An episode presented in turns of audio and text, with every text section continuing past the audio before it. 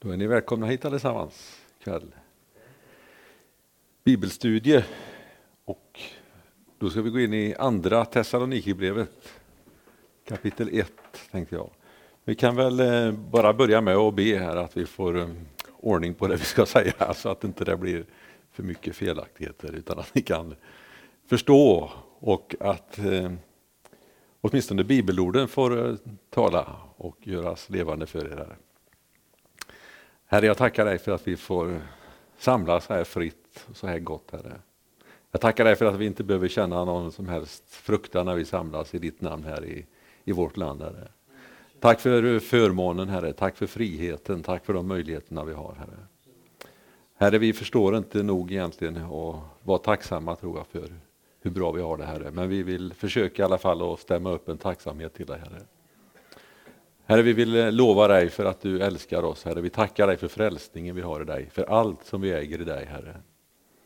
Jag tackar dig, Herre, för att du är den som står vid vår sida varje dag, Herre. Jag tackar dig att varje dag får vi börja med att bara bjuda in dig i våra liv, Herre. Jag tackar dig för nåden, Herre, som vi får leva i, Herre. Jag tackar dig för att vi får vara frälsta av nåd, Herre. Jag tackar dig, Herre, för att det inte kommer an på några egna gärningar eller egna meriter, Herre, utan det är tack vare det ditt försoningsverk på Golgata, Herre, som vi kan närma oss Gud och vi kan få med full frimodighet ikväll komma fram med våra bönämnen och med vår tacksägelse till dig, Herre. Så ber jag Herre att du ska tala till oss genom de bibelord vi ska få dela ikväll, Herre. Du ser det jag har försökt förbereda här nu. Jag ber Herre att du ska sätta en vakt vid min mun, Herre, så inte jag säger något som du inte kan stå bakom, Herre, utan att det får vara Herre, förankrat i dina tankar och i din vilja Jesus. Jag ber att du ska göra det levande för oss. Jag ber helige Ande att du ska röra både vid mig som ska tala ut Herre, men du kan också röra vid varje mottagares hjärta Herre, så det får bli levande, att det får tala till oss det vi får dela nu ikväll Jesus. Jag prisar dig för det Fader och vi inbjuder dig helige Ande att vara med oss hela den här kvällen. Amen. Ja, vad gott. Välkomna allesammans. Det blir fler och fler. Eh, andra Thessalonikerbrevet, ja, och kapitel 1. Det finns väl vad jag förstår här när man kikar på det lite olika åsikter och synpunkter på om det har skrivits före eller efter första Thessalonikerbrevet egentligen. Men eh, det finns samtidigt några referenser och hänvisningar i det här andra som gör ändå att man landar i att nej, det är nog skrivet efter i alla fall. Det finns också synpunkter på om det verkligen är Paulus som har skrivit eller inte.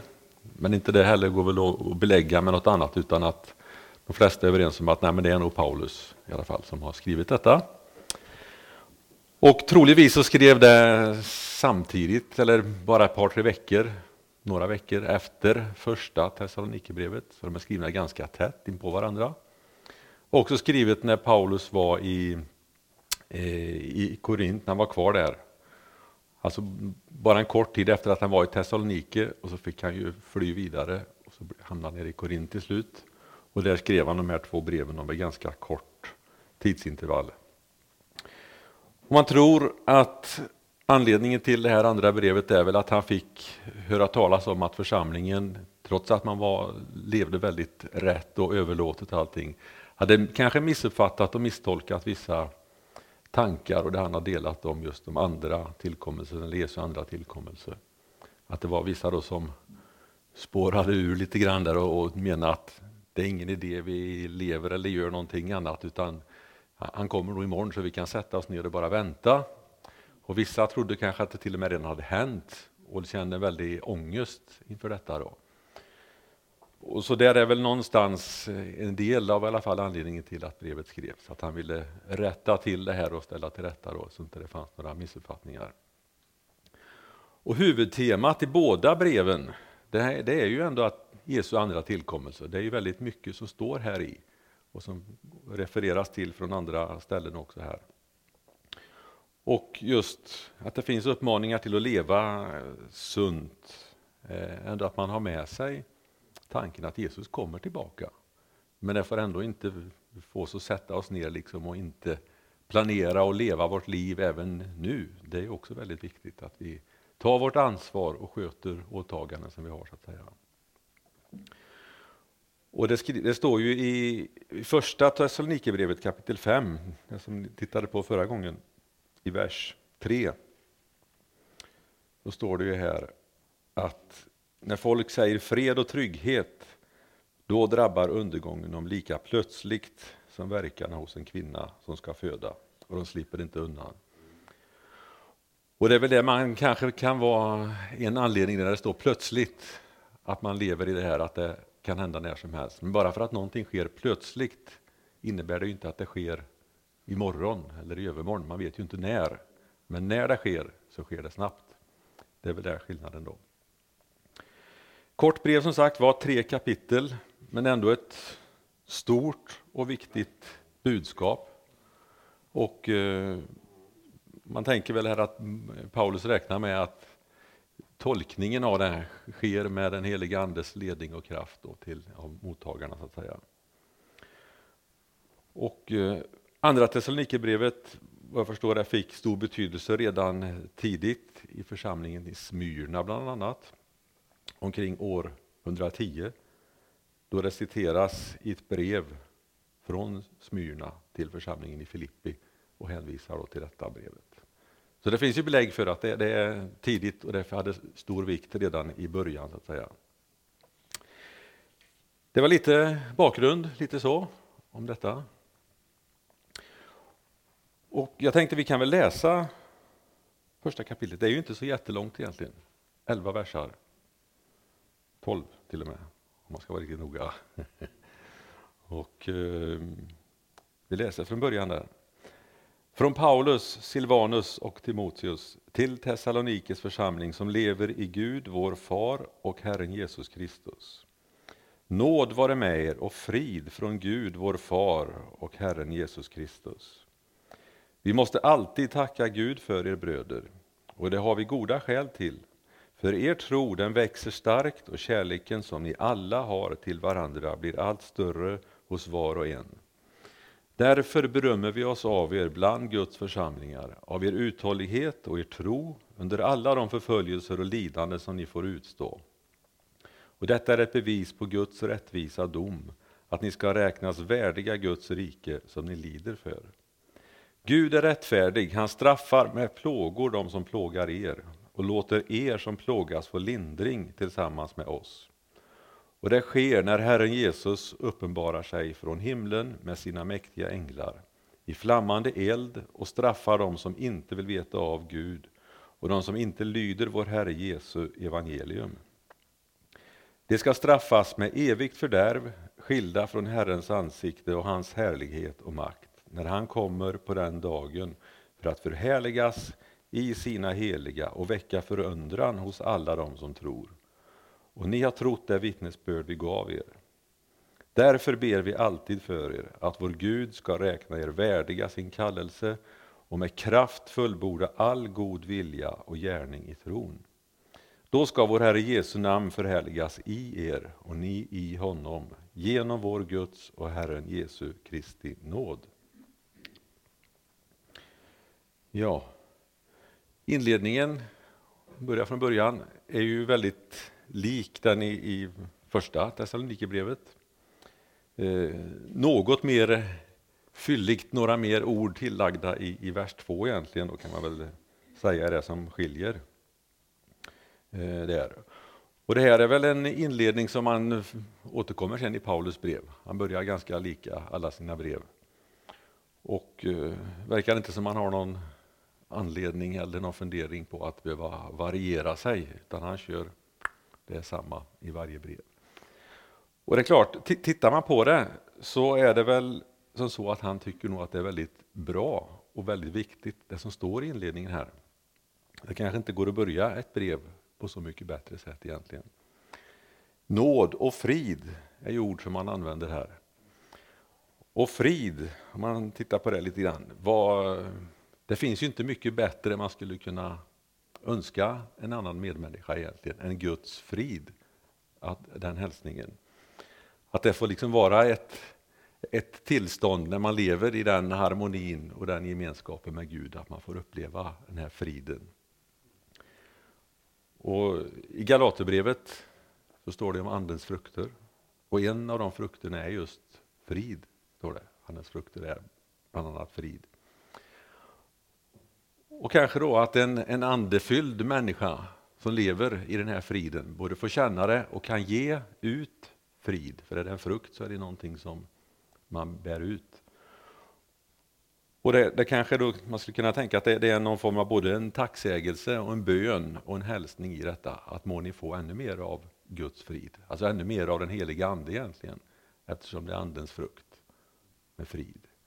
Att det är det han egentligen hälsar och ber här. Och det är väl lätt att vi kanske bara vi slänger ur oss ord ibland utan egentligen tänka på det. Både i hälsningsfraser och i olika sammanhang. Det blir bara slentrian. Men tänker man på detta och lägger liksom, förstår vad det, vad det innebär egentligen, så är det något väldigt fantastiskt som han önskar församlingen. Och som vi kan få hälsa varandra med. Att om man lever i den här friden och får känna den inombords verkligen, hur man då kan möta både motgång, tror jag på ett helt annat sätt då, än om man lever ifrån Gud. Och även medgång givetvis, att man kan få glädja sig med Gud och få känna det. Man lever i hans frid. Och nåd, det är också något som återkommer väldigt mycket i Paulus brev. Han eh, hänvisar till nåden väldigt mycket. Och i Nya Testamentet så används just det ordet, det karis eller charis, är väl det grekiska ordet. Det återkommer 155 gånger i Nya Testamentet, varav 100 gånger hos Paulus. Och det är ju det Paulus lyfter fram på många ställen, det är ju just det Guds nåd. Att vi är fria från kommande vredesdomen och kommande så att säga, domen. Att vi får ta emot Jesu nåd och få vara frälsta. Och lägger man ihop detta så blir det ju en väldigt stark hälsningsfras och en stark önskan eller bön till församlingen eller till mottagningen av detta egentligen. Så det ligger mycket i de här orden egentligen. Och så nämner han här Herren Jesus Kristus. Man också kommer tillbaka till väldigt mycket i sina texter. Och I hela det första kapitlet här så är det sju gånger så kommer han tillbaka till att bara nämna Herren Jesus Kristus, eller med viss variation. Då. Så det är ju ett, ett Jesusbrev också, Jesuscentrerat i det han skriver. Sen verserna 3 till 12, eller egentligen resten av kapitlet, är en, en enda lång bön, tacksägelse egentligen, över vad Gud gör och förmår och att han är med och att han kommer att ställa saker och ting till rätta. I grundtexten så är vers, det som står i versindelningen här, vilket ju inte finns i original så att säga, den har ju tillkommit senare. Eh, men vers 3 till och med 10 är egentligen en enda lång mening, sammanhängande av just den här tacksamheten och hur den beskriver Gud så att säga. Givetvis finns det ju med undervisning och man kan plocka och förstå vad det är han skriver i det, men, men det är en tacksamhet, en tacksägelse till, till Gud. Och han börjar vers 3, vi måste alltid tacka Gud för er. Och tittar vi sen i slutet, i vers 11, därför ber vi alltid för er. Och Det är också det här hela tiden återkommande i Paulus brev. Tacksägelse och bön. Bön och tacksägelse. För alla de församlingar han har varit med om och startat. Alla de människor han har fått led till tro. De kommer tillbaka, de ber han för och tackar för. Det som just vad gäller bön och tacksägelse så är det ju, han ber aldrig för sig själv, Paulus. Eller lägger fram sig själv och ber för sina krämpor och problem så att säga. Det finns ett ställe som vi kan slå upp och titta på och det är andra Korinthierbrevet kapitel 12.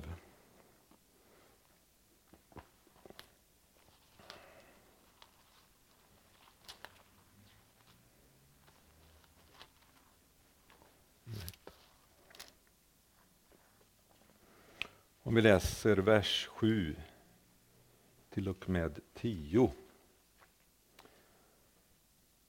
Andra Korinthierbrevet 12, 7-10. Och för att jag inte ska förhäva mig efter dessa väldiga uppenbarelser har jag fått en tagg i köttet, en ängel från Satan som ska slå mig så att jag inte förhäver mig. Tre gånger har jag bett Herren att den ska lämna mig, Men han svarade mig, min nåd är nog för dig, för min kraft fullkomnas i din svaghet. Och därför vill jag inte heller berömma mig av min svaghet, för att Kristi kraft ska vila över mig. Och därför gläder jag mig över svaghet, misshandel, nöd, förföljelser och ångest för Kristi skull. För när jag är svag, då är jag stark. Han har bett tre gånger här, står det om att få slippa någon tagg och det finns olika tolkningar om vad det innebär egentligen, då, vad det är han lider av. Men han har inte blivit av med det. Men när han ber ändå om att få slippa det så är det ju för att kunna fullfölja sitt uppdrag egentligen som är ursprunget till den bönen. Så han ber inte egentligen bara för att, för att slippa någonting utan det är för att kunna fullfölja uppdraget åt Jesus eller förkunna evangeliet egentligen och få göra det bättre. Annars så är det väl inga böner som man ser som att han lägger fram sig själv. Men vi uppmanas ju gång på gång att be för varandra, smörja varandra med olja, lägga händerna på varandra. Vi vet att när apostlarna gick omkring och skuggen, Petrus skugga föll på folk så blev de friska. Jesus bad för sjuka, de blev friska. Så jag tror inte vi ska ta det som något exempel på att vi inte ska be för varandra. Även om inte han lyfter fram det på det sättet. För jag, det finns ju massor med ställen som uppmanar oss till att be för varandra givetvis. Så vi ska givetvis be för varandra här sen med full frimodighet. Men eh, så levde Paulus i alla fall.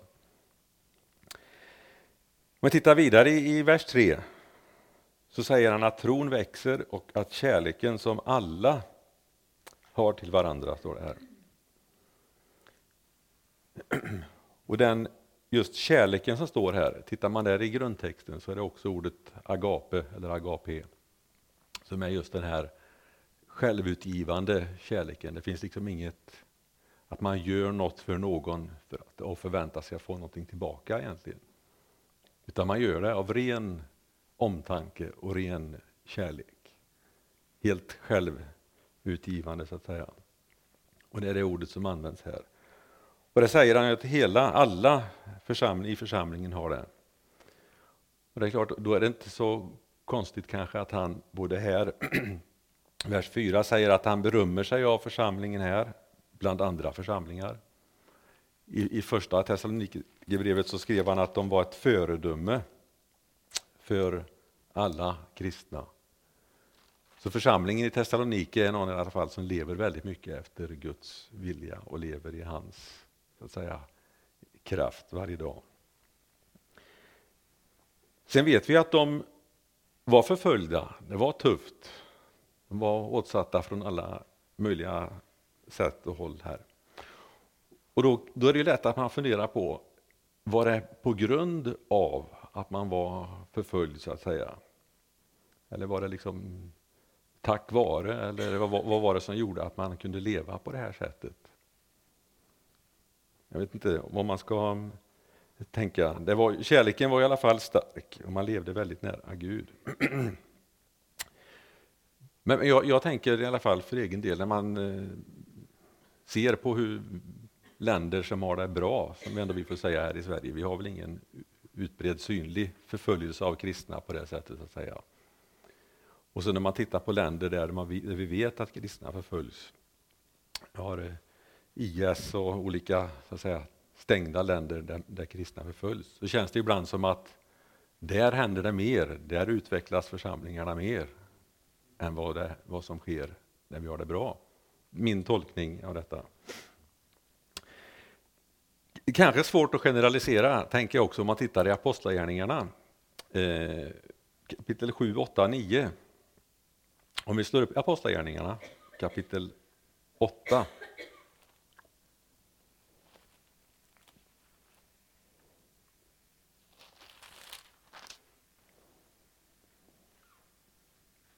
Och vers 4. Det som precis har hänt innan här är att Stefanus har stenats till döds. Och efter det, samma dag står det i börjar kapitel 8 med det Apostlagärningarna, så utbröt en svår förföljelse mot församlingen. står det. Och sen i vers 4, att de som nu hade skingrats, de gick från plats till plats och förkunnade evangeliet.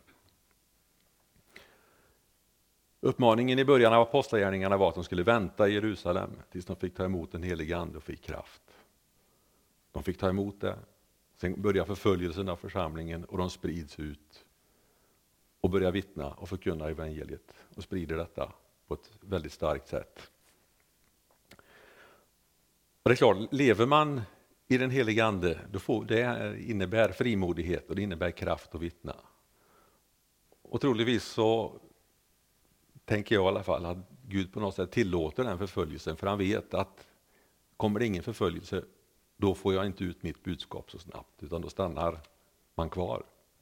Men med förföljelsen som kom och med den röstningen som de kristna hade med den helige Ande så blev budskapet utspritt. Tufft och förföljelse och budskapet sprids ut. Men tittar man sen i kapitel 9 och vers 31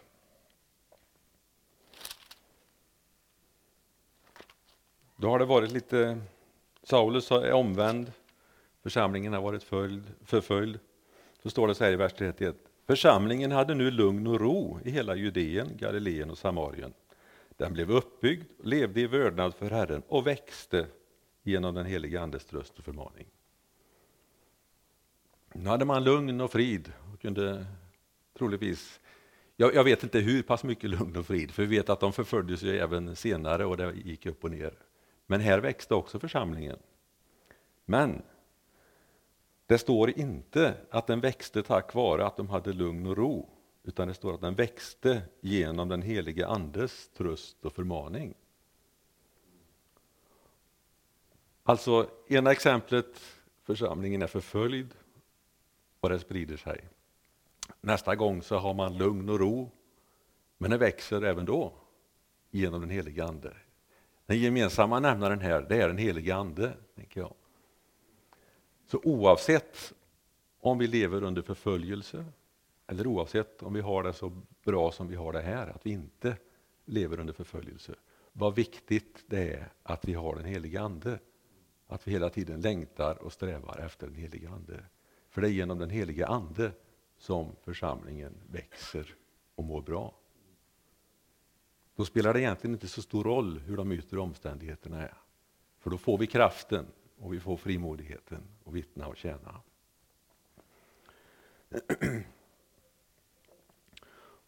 Och jag tror ju som sagt var att det gäller inte minst oss idag, de kristna, både här i Sverige och runt om. Men däremot om vi lever i lugn och ro och inte är förföljda och vi tycker att det känns bra och vi liksom slöar till och sätter oss ner då kommer tillbaka dragande tror jag församlingen. Då tynar vi bort och försvinner. När vi inte törstar efter den helige Ande. Om vi tittar vidare, vers 6 och 7. Så handlar det om uppmaning här om att ha vår så att säga, förtröstan att den måste vara till Gud. Och då är vi inne på det här med förföljelse och jobbigheter igen. Församlingen här hade det tufft. Och vi har väl inte det som sagt var här i vårt land. Så det, man, man känner ju en viss ödmjukhet inför när man läser det här och tycker att ja, men med Andens kraft så kan man ta sig igenom allt. Men samtidigt så känner jag att vi, vi har nog aldrig mött det här egentligen, så vi vet inte vad det innebär egentligen att leva så överlåtet och leva så beroende av Andens kraft. Man känner att man får ha en, en väldigt ödmjuk inställning till de som har det på det här viset. Och om man tänker på det så känner man bara hur mycket de är beroende av den helige Ande och hur de verkligen lever i det. Som jag tror många gånger vi inte ens förstår fullt ut. Vi har inte varit där. Men uppmaningen här det är i alla fall att det kommer lindring, det står i vers 7. Och att det är Gud som straffar, det är Gud som har allting i sin hand. Och då skulle jag vilja att vi tittar i Romarbrevet, som jag tycker påminner det här, och när vi läser om just det här stycket i Romarbrevet kapitel 12. Man läser vers 17, vers 17 till 21. Jag tycker att det är, det är det som jag kommer att tänka på i alla fall när jag läser det här. Då står det här, löna inte ont med ont. Tänk på det som är gott i alla människors ögon. Håll fred med alla människor så långt det är möjligt och beror på er. Hämnas inte, mina älskade, utan ge rum för Guds frede. Det står ju skrivet, min är hämnden, jag ska utkräva den, säger Herren. Men om din fiende är hungrig, så ge honom att äta.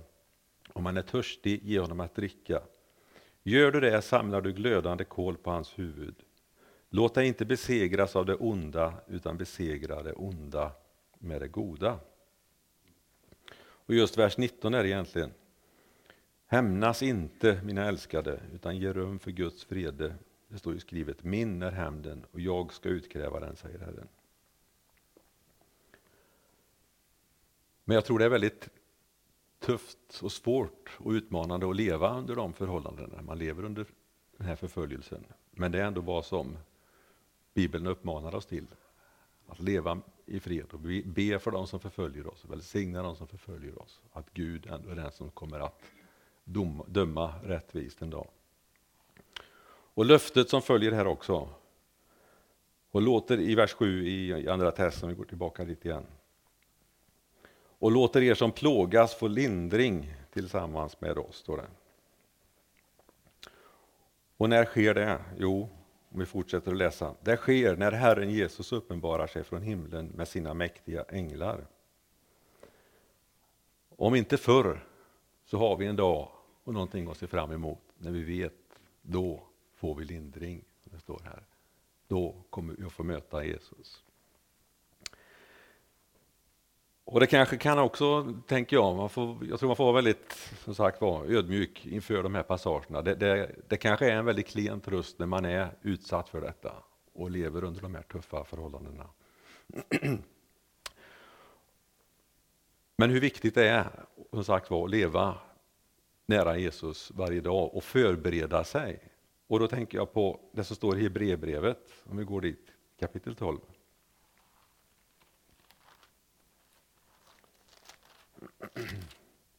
Hebreerbrevet 12 och vers, verserna 2 och 3. Och låt oss ha blicken fäst på Jesus, trons upphovsman och fullkomnare. För att nå den glädje som låg framför honom uthärdade han korset utan att bry sig om skammen och sitter nu på högra sidan om Guds tron. Tänk på honom som fick utstå sådan fiendskap från syndare så att ni inte tröttnar och tappar modet. Att vi lever på det sättet och har blicken fäst på Jesus så att vi inte tröttnar och inte tappar modet. Och att vi gör det när vi har möjlighet och inte är utsatta för prövningar utan att vi låter oss uppbyggas och rusta oss för eventuellt saker som kan ligga framför och komma. För när vi väl är inne i tuffa perioder, om det är motstånd utifrån eller om det är andra sjukdomar och prövningar vi möter, då är det inte lätt att orka göra det. Då får vi förlita oss på varandra, då får vi be för varandra givetvis. Men att när vi orkar och har möjlighet att vi fäster blicken på Jesus. Och precis som det står om det Jesus fick utstå här i vers 2. Att han uthärdade korset för att nå den glädje som låg framför. Så uthärdade han korset, står det här. Jesus har gått igenom det tuffaste av det som man kan gå igenom. Han var människa, han led och kände smärta och sorg precis som du och jag. Han har gått igenom allt det tuffaste som vi kan tänka oss att behöva gå igenom. Det har Jesus gått igenom för oss. Och han tänkte på den glädje och det som låg framför. Genom det så uthärdade han smärtan på korset, står det här. Det finns löfte om en vila framöver, står det i Hebreerbrevet 4 och 9. Om vi slår upp det. Bläddra tillbaka några sidor. Då står det här, alltså kvarstår en sabbatsvila för Guds folk. Står det. Och i vers 3, i samma kapitel. Det är vi som tror som går in i vilan, står det. Och just sabbatsvila, då tänker jag söndag, tänker jag. Gudstjänst, glädje, lovsång och få vara inför tronen, få vara inför korset och sjunga honom. Sabbatsvila, tänker jag, det är inte att lägga sig ner och, och sova och ingenting göra. Utan sabbatsvila, tänker jag, det är när vi är tillsammans som Guds församling. Och det är det vi har att blicka fram emot. När vi tillsammans får stå inför tronen och lovsjunga Herren och lovprisa honom. Sabbatsvila. Vi jobbar inte med något världsligt eller någonting, utan då är vi förenade inför honom. Det tänker jag på, att det är det som ligger framför i det här. Går tillbaka till där vi var, Thessalonikerbrevet igen, verserna 8 till 10. Paulus vet ju om att församlingen förföljs, att de får lida på olika sätt och vis. Det har han ju fått rapporter om och han vet att det är tufft på många vis. Men ändå så ber han ju inte här om att de ska slippa undan det här, vad jag kan se, utan det han ber om det är ju att, ändå att man ska ha blicken fäst på Jesus, ändå ha en förtröstan på att Jesus kommer, det finns någonting att se fram emot. En dag då han ska förhärligas i sina heliga och väcka förundran, står det bland annat. Och i Matteus står det också lite grann här om med det här rättfärdiga, att, man ska, att det ska lysa som solen i sin fars rike.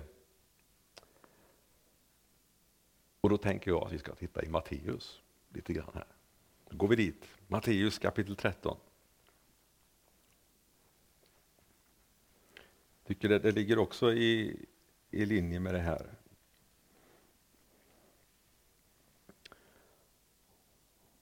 Vi läser några verser där. Rätt kapitel 13 och vers 36 till 43. Sedan lämnade Jesus folket och gick hem.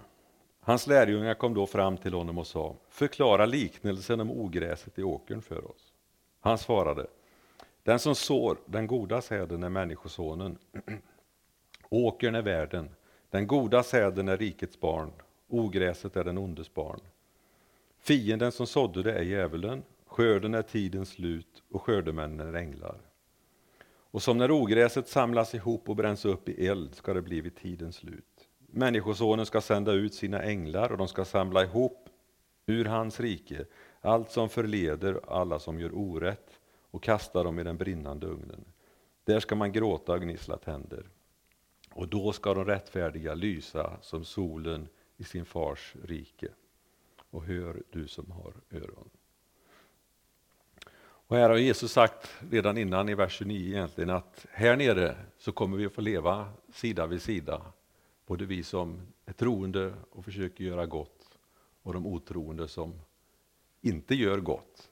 Men det kommer en dag när han kommer att skilja agnarna från vetet som det står också. Och när de rättfärdiga ska lysa som solen i sin fars rike. Och kanske är det det som han syftar till här Paulus, så att när han kommer den dagen för att förhärligas i sina heliga, står det. Och egentligen är det ju väldigt allvar i de här orden, om man tänker på vad det står egentligen. Och hur viktigt det är att ha den här relationen med Jesus, en levande tro och en levande relation. För läser man här så innebär det ju inte att det räcker ju inte att jag, ja, jag känner till Jesus eller jag vet att Gud finns. Det handlar om att man har en, en levande tro och har tagit emot den nåden som finns att få och sagt ja till den nåden, sagt ja till Jesus. Det räcker inte med att ha gjort goda gärningar, att man lever allmänt bra och att man har en, säga, någon religiös fasad. Utan man måste ändå ha sagt ja till Jesus. Och vi vet, det står i, i andra Petrus brev, att Gud vill att alla ska ta del av den nåden som han erbjuder. Gud vill att alla ska bli frälsta. Men en dag så kommer han för att döma och det står att det kommer att ske snabbt Och det kommer att ske som när en tjuv kommer om natten. Alltså vi vet inte när. Exakt. Och just allvaret här, om man tittar vidare här i vers 9, då står det att de ska straffas med evigt fördärv, står det. De som inte tror. Skilda från Herrens ansikte och härlighet och makt. För den som tror väntar evigt liv, och för den som inte tror väntar evigt fördärv. Och jag tänker evigt liv, på något sätt, där kanske man kan försöka måla upp en bild eller tänka liksom väldigt man kan måla upp något väldigt fantastiskt och, och fint och vi har säkert lite olika bilder av vad det innebär himlen och vad ett evigt liv innebär. Men det är väldigt positiva bilder, tänker jag. Ljusa och, och goda bilder som vi målar upp när vi tänker så. Men evigt fördärv, jag vet inte, det, det är väldigt svårt att, att, måla upp någonting egentligen. Men evigt fördärv, det är i alla fall inte att det, det är ju inte att någonting tar slut. Att den personen liksom förintas eller inte finns på något sätt. Utan det, det blir på något sätt motsatsen till, till evigt liv. Och evigt fördärv, det står ju på andra ställen lite grann här att, att leva då utan kontakt med Gud, så att säga. Och på något sätt en, en, en total hopplöshet om att inte kunna få möta Gud och inte kunna få vara i hans närhet. Någonstans där blir ju evigt fördärv. Något så mörkt och jobbigt så man inte ens orkar tänka på det.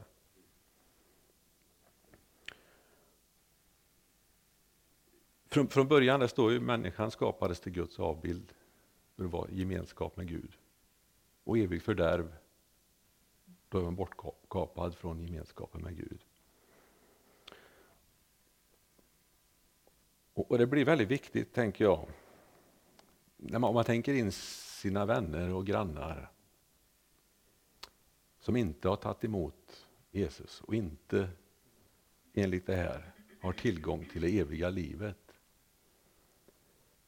Det, det, det, det träffar mig väldigt hårt i hjärtat i alla fall. Då. Hur, hur lever jag och vad gör jag? Lever jag i Andens kraft, precis som vi läste här förut, och, och är med och sprider evangeliet?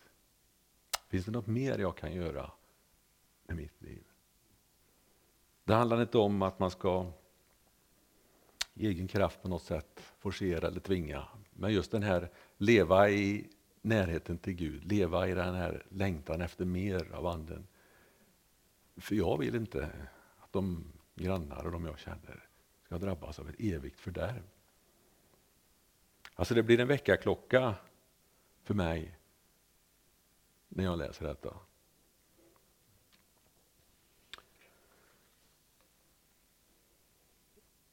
Och motsatsen då, det är ju precis det här med härlighet och makt. Han ska förhärligas i de heliga, står det. Och det står väcka förundran hos alla de som tror.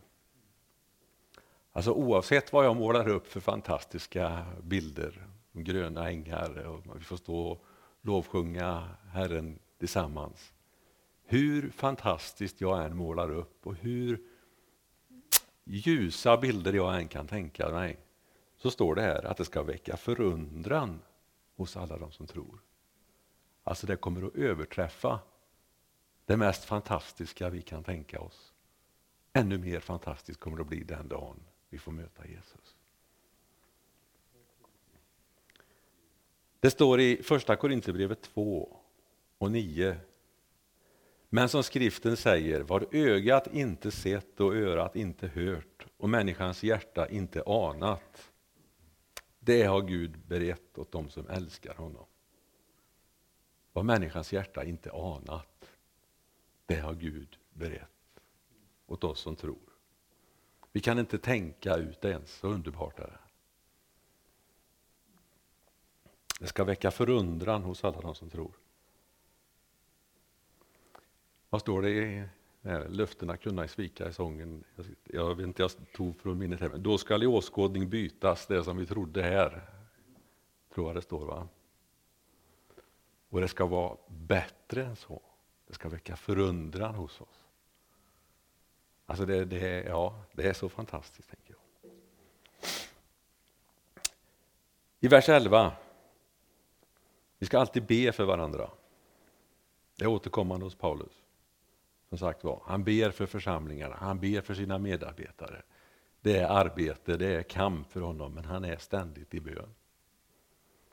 Det står så otroligt mycket om bön i hans brev. Hänvisar till bön. Kanske inte står så många böner som man kan läsa ord för ord, så att säga. men det hänvisas till bön på olika sätt och vis på många håll. Och Jag tänker det måste ju beröra oss också då. Om vi ska ha Bibeln som rättesnöre och vi ska ta Paulus på orden, då måste vi också be för varandra ständigt. Och då tänker jag inte minst på oss som är ledare i församlingar. De kanske är avskilda ledare på olika sätt. Söndagsskollärare, sångledare, ungdomsledare, pastorer, förebedjare, omsorgsgruppsledare, hemgruppsledare, ledare för olika råd och sådär. Vårt uppdrag som ledare, tänker jag, inkluderar och be för dem som vi är ledare för. Att jag ber för min grupp, om det är två eller tre personer eller 103, att jag får bära dem, precis som Paulus, varje dag ständigt får bära och be för dem som jag är ledare för.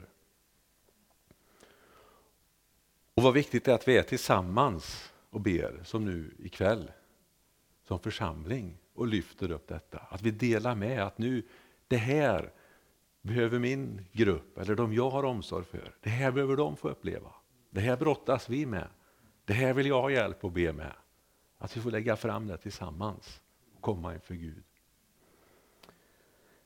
Vi ber givetvis hemma var och en, enskilt och kanske som par och tillsammans. Men som församling, när vi kommer tillsammans och får liksom storma himmelen med våra böner tillsammans. Jag tror det är jätteviktigt. Jag vill nämna några ställen här från Apostlagärningarna. Apostlagärningarna 12, vi kan slå upp den några ställen här. Jag tycker det är så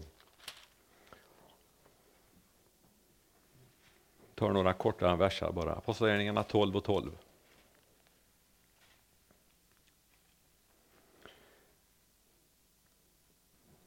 När han nu insett vad som hänt gick han till Marias hus, hon som var mor till Johannes som kallades Markus. Där var många samlade och bad. Står det. Det var församlingen, de var samlade och de bad. Apostlagärningarna 2 och 42. Versen innan där, 2.41, så står det att församlingen ökade med omkring 3000 står det, efter pingstdagen. Men 2.42, de höll troget fast vid apostlarnas undervisning, vid gemenskapen, vid brödsbrytelsen och bönerna. De var tillsammans och man bad. Apostlagärningarna 4, 23 då står det, när de hade blivit frisläppta gick de till sina egna och berättade allt vad översteprästerna och de äldste hade sagt till dem. Och när de hörde det, då ropade de tillsammans till Gud och bad. Och i vers 31. När de hade bett skakades platsen när de var samlade och de uppfylldes av den helige Ande och förkunnade Guds ord och frimodighet. De var tillsammans, de ropade och bad till Gud och de fick uppleva Andens kraft. Och jag har nämnt det förut och det kommer då och då, men från andra Mosebok 17, det är ett favoritbibelställe, strider med amalekiterna. Moses står på höjden, Aron och Hur lyfter hans händer och ger honom stöd. Man ber tillsammans och då har man framgång i, i, i kampen. Paulus han ber att de ska få kraft att fullborda allting här. Vi går tillbaka igen till Thessalonikerbrevet. Och det handlar inte om att de själva i egen kraft ska fullborda, utan det handlar om att Gud ger kraft, den heliga Ande ger kraft att fullborda allt det de står i. Och fullborda det här loppet som vi löper här nere så att säga. Och det är genom Guds kraft, det är han som fullbordar verket i oss och genom oss. I vers 12. Att då ska Herren Jesu namn förhärligas i er och ni i honom står det. Inte med eller intill eller så, utan i honom och i er. Alltså något mera nära kan det inte vara. När vi kommer till tro, när vi döps in i Kristi kropp, då får vi vara del i honom och i oss så förhärligas Jesus. Och att få leva med honom och leva det livet med Jesus varje dag. Och den dagen han kommer, att vi får bli funna i honom. Det står i Filipperbrevet 3 och 9, att få bli funnen i honom. Vi sjunger en sång också, jag tänker varje dag, eller varje dag, varje gång vi sjunger den sången, låt mig få bli funnen i dig Gud. Vi sjunger den, jag kommer inte ihåg texten för övrigt, men jag vet varje gång den strofen, den, den rör så vid mitt hjärta. Låt mig få bli funnen i dig Jesus när du kommer. Att inte jag har kommit vid sidan. Utan att vi varje dag får leva redo att möta Jesus, redo att möta vår frälsare. Och inte som församlingen här, eller vissa, inte hela församlingen, men vissa, att man liksom satte sig ner och tyckte att nej, vi behöver ingenting göra, Jesus kommer imorgon, han kanske redan har kommit. Vi lever vårt liv som vi ska, vi sköter oss och vi gör vårt uppdrag, våra jobb och vi utbildar och vi tänker framåt. Men vi lever redo och förberedda att kommer Jesus idag eller imorgon, då är jag redo att följa honom. Då säger jag ja till det han kallar mig till. Jag vill läsa från Romarbrevet 5 en gång till. Vi var där lite grann förut, men vi slår upp det igen. Här till slut. 5, verserna 1, 2 och 8. En liten sista hälsning här som slår an tonen till den här nåden. Och det står, när vi nu har förklarats rättfärdiga av tro, då har vi frid med vår Gud genom vår Herre Jesus Kristus. Och genom honom har vi också tillträde till den nåd som vi nu står i. Och vi gläder oss i hoppet om Guds härlighet. Och i vers 8. Men Gud bevisar sin kärlek till oss genom att Kristus dog för oss medan vi ännu var syndare. Det här är nåden det handlar om. Det är den här fullständiga kärleken som Gud visar till oss medan vi var syndare. Jag kunde ingenting göra själv, ingenting i egen kraft.